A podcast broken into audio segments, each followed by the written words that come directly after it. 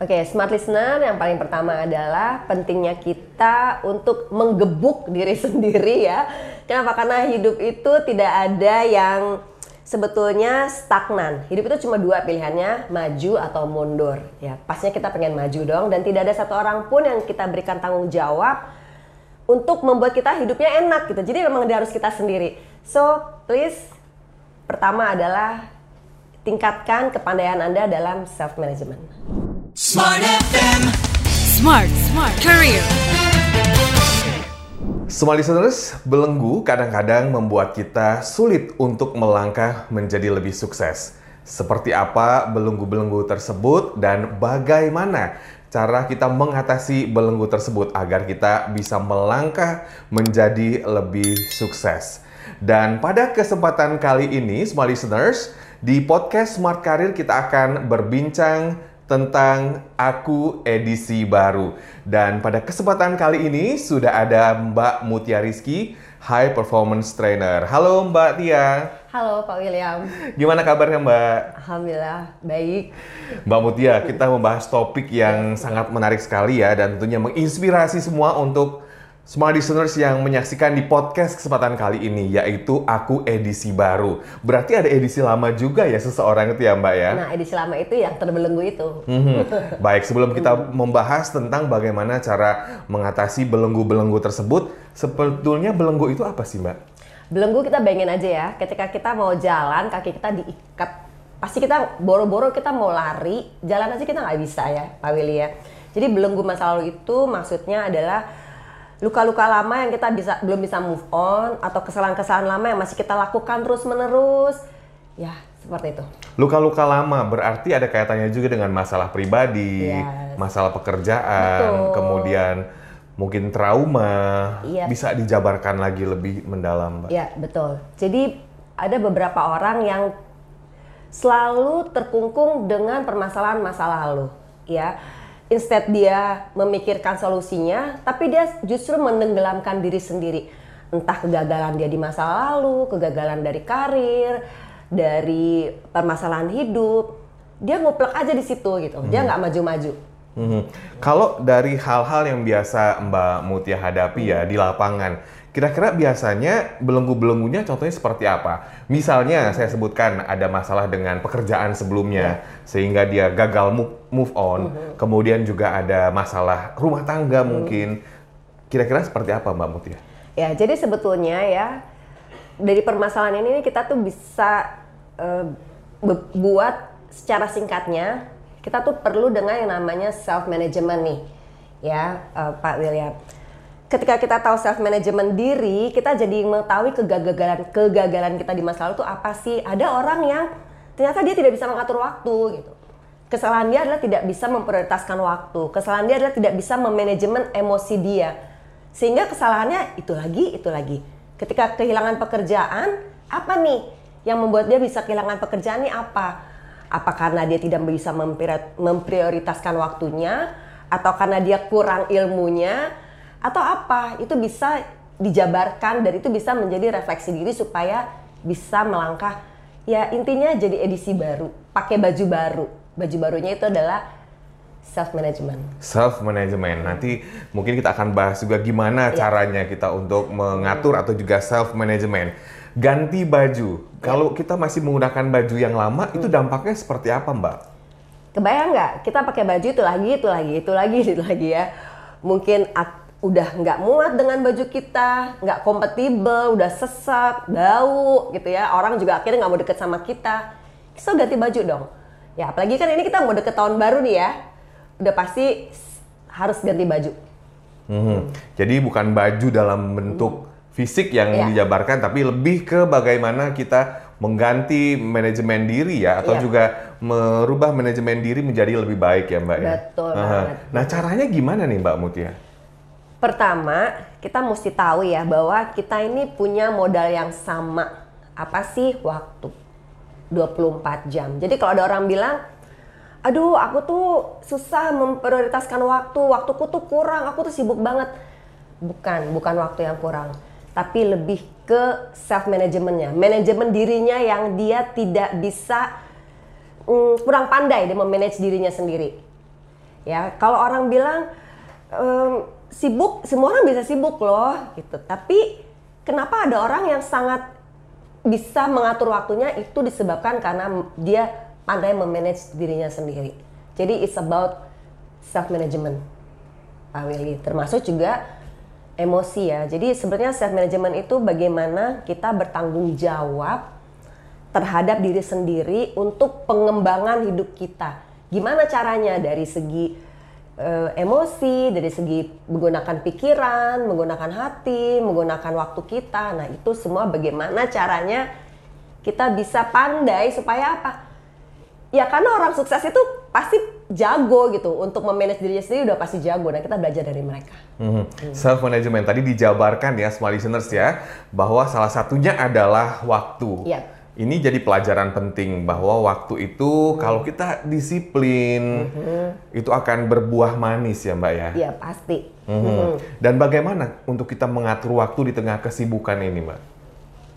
Pertanyaannya sekarang 24 jam waktu itu kita sudah menggunakan dengan benar nggak? Ya. Contoh nih kemarin yang zaman-zaman kita lagi WFH ya. WFH itu itu kan biar bagaimanapun walaupun kita bekerja tidak dalam pengawasan perusahaan atasan, kita bisa nggak memanage diri kita sendiri untuk tetap produktif? gitu.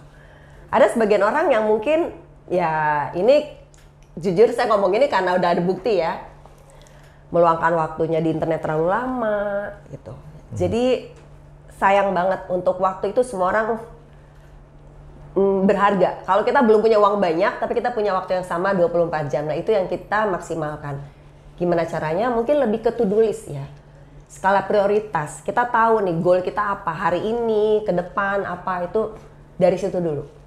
Skala prioritas menarik ya semua listeners ya. Pernyataan dari Mutia bahwa kita perlu melakukan to-do list, membuat to-do list dan juga ada skala prioritas. Tadi sempat ada statement juga nih bahwa apalagi sekarang zamannya internet. Iya. Bahwa banyak sekali di antara kita ya yang menghabiskan waktunya Iya. full time di internet padahal masih banyak sekali aktivitas-aktivitas atau kegiatan-kegiatan yang bisa diprioritaskan. Iya. Bisa dijelaskan, Mbak. Iya, jadi memang semua pekerjaan itu kenapa WFH kan karena semua bisa eh, remote ya dari rumah ya dengan internet itu.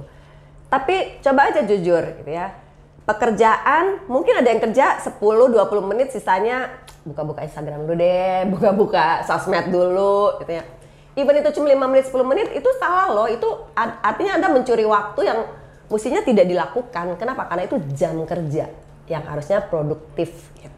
Jam kerja adalah waktu-waktu produktif. Itu contoh yang sangat spesifik sekali ya.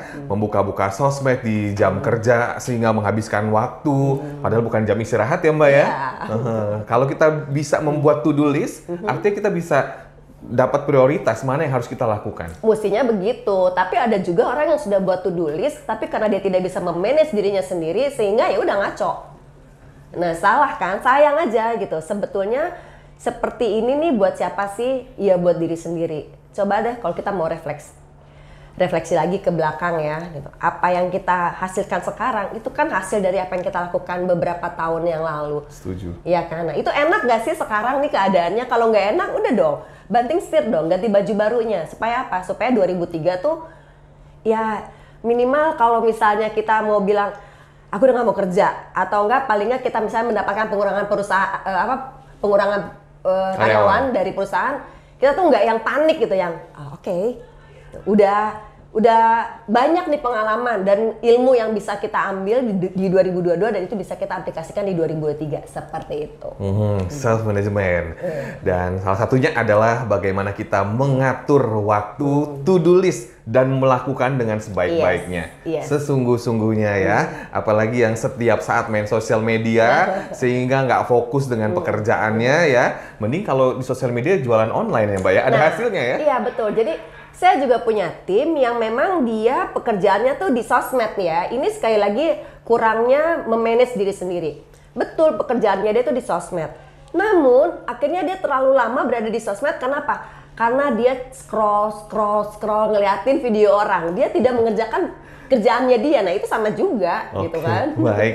Nah, tadi juga sempat disinggung mengenai manajemen emosi. Ini seperti apa ya, Mbak Mutia? manajemen emosi ini gini ya, ini lebih ke akarnya itu eh, kecerdasan emosional. Kebayang nggak, Pak Willy ya, kalau misalnya ada orang yang terlalu sensitif, gampang baper gitu ya. Kita berhubungan dengan orang banyak dalam hal pekerjaan, dalam hal atau bisnis, tapi kita terlalu sensitif gitu. Orang nyaman nggak sih sama kita? Nggak nyaman pasti. Nah itu yang disebut dengan memanage diri dalam hal emosi. Kenapa? Karena ketika kita bisa memanage emosi kita, lihat deh, pikiran kita enak, memberi keputusan juga gampang, dan apa yang kita lakukan tuh semuanya tuh di koridornya gitu.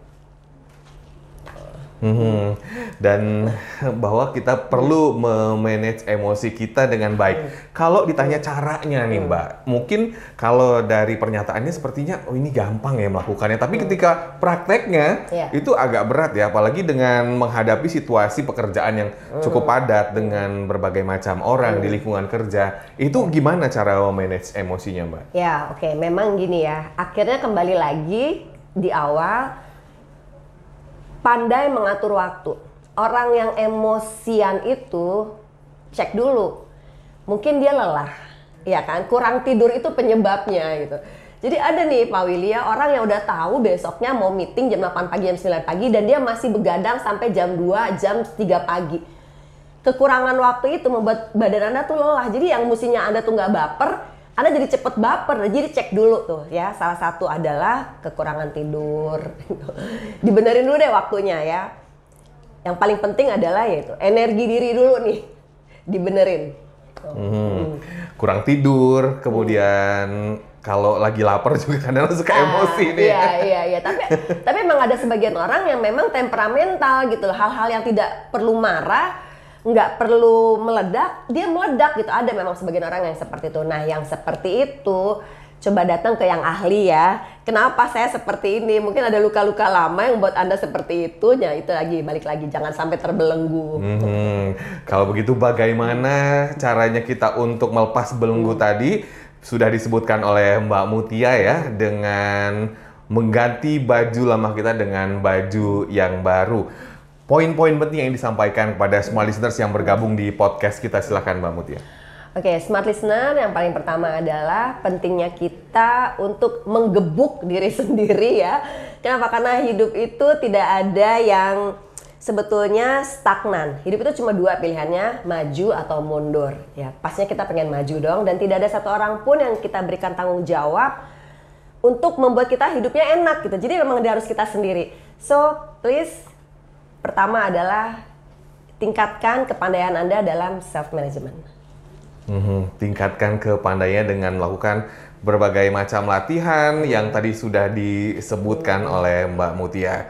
Smart listeners, demikian podcast Smart Karir pada kesempatan kali ini. Kita bertemu lagi di podcast selanjutnya. Terima kasih Mbak Mutia. Terima kasih. Dan akhirnya saya William Darmon mengucapkan terima kasih atas perhatian Anda. Sampai jumpa. Smart FM. Smart Career. Make your future better.